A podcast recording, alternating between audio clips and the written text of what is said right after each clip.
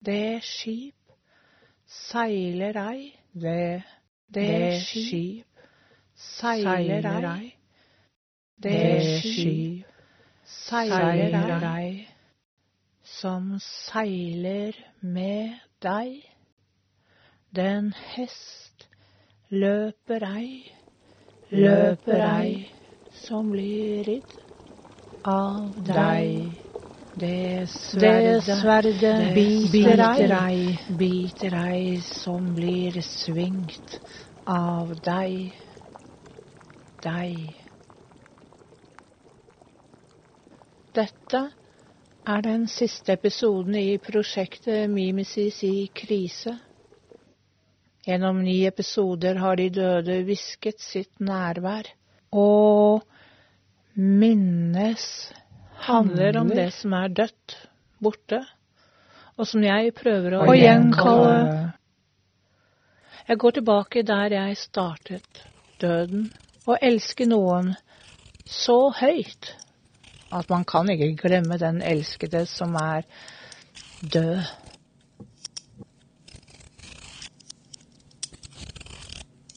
Jeg er på kontoret. Du hører lyden, du hører lyder. Minnene blir gjenferd og gjengangere som plager hver krik og krok av tankene. Jeg forestiller meg hverdagslige øyeblikk av de døde. De øyeblikkene blir vanskeligere å gjenkalle. Omgitt av minner, og likevel så alene.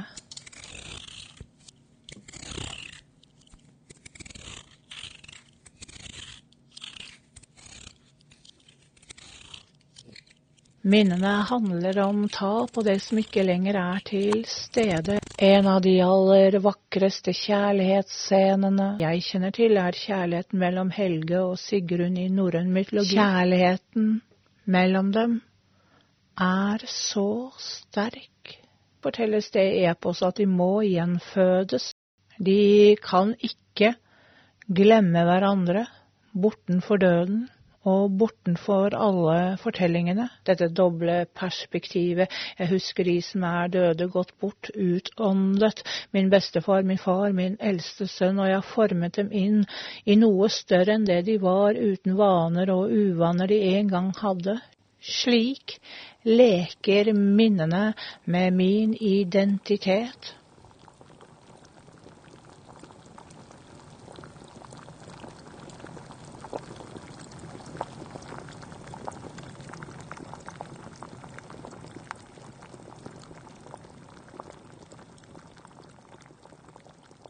Individuelle erfaringer som blir minner, er innkapslet av både den individuelle erfaringen, men også den sosiokulturelle rammen minnet skriver seg inn i.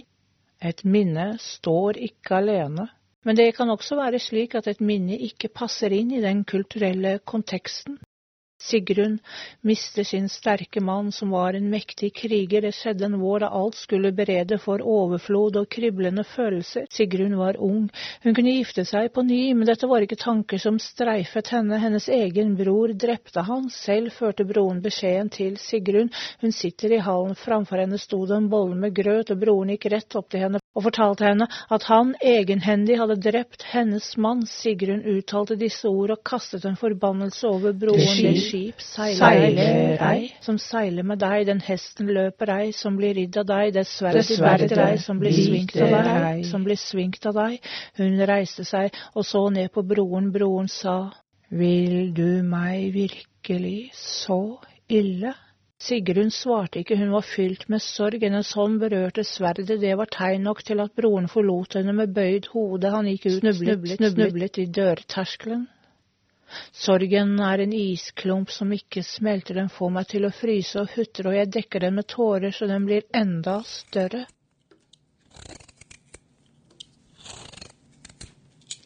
Så hvorfor gjøre dette for minnenes skyld? Det er for å kunne se minnet som noe som stadig kommer tilbake. Stadig kommer tilbake i nye former og fasonger knyttet til utviklingen av identiteten og det som er skjult. Og det som er skjult, er også en del av min identitet.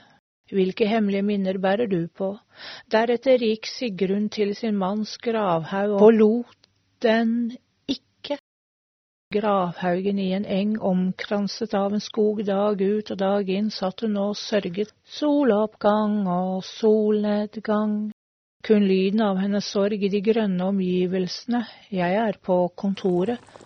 Det var en natt så mørk at stjernene strålte ekstra på himmelen. Hun hørte en hest vrinske hult. Hun våknet til, hun kikket opp og fikk se et merkelig lys strømme ut av graven. Så var det som det skalv i graven. Ut av graven kom hennes mann ridende på en steilende hest. Hun kjente han igjen, hun kunne aldri glemme han.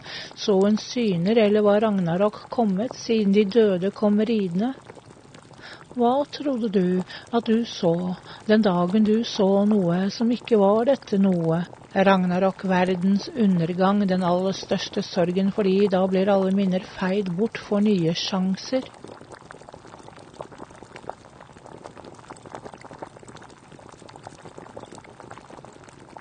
Ja, jeg har reist langt for å se deg igjen, må bare si det. Han sa han fikk lov til å besøke henne. Hun jubla og så på ham og sa, men uh, hvorfor er ditt hår rimet? rimet? Ditt ansikt blodsprengt og dine hender så kalde? Han svarte, du alene volder meg dette. Hver eneste tåre av din gråt faller på mitt bryst iskaldt og sviende. Han gikk ned fra hesten. De slo armene rundt hverandre. Hennes hår var flettet, hennes hender sterke. Han luktet ikke lenger svette, og sammen laget de et leie i haugen, og hun fikk hvile i hans armer. I hans armer. Når dette skjer, er alt mulig, sa han. Du lyse, levende kongsdatter kan hvile i mine livløse armer. Du lyse, levende kongsdatter kan hvile i mine livløse armer. Hun la nesa tett inntil ham, men han luktet ingenting. Hun strøk han gjennom håret som var rimet, hans armer holdt henne, himmelen dekket dem i stillhet. Så sovnet de, arm i arm. Da min yngste sønn ble født, sa de at han kom til å dø. De mente han hadde en kromosomfeil, jeg måtte føde ham slik at han kunne få dø under fødselen. Det skjedde ikke. Han er nå større enn meg. Det var min eldste sønn som døde. Det skip seiler ei, det, det skip seiler ei, det skip seiler ei, som seiler med deg. Den hest løper ei, løper ei som blir ridd av deg. Det sverdet, det sverdet biter, ei, biter ei som blir svingt av deg, deg. Da hun våknet, var han reist dit hanen galer i Valhall. Han kom aldri tilbake, og hennes liv ble kort. Så er jeg her, ved ditt øre, nå er jeg ferdig. Takk for at du lyttet.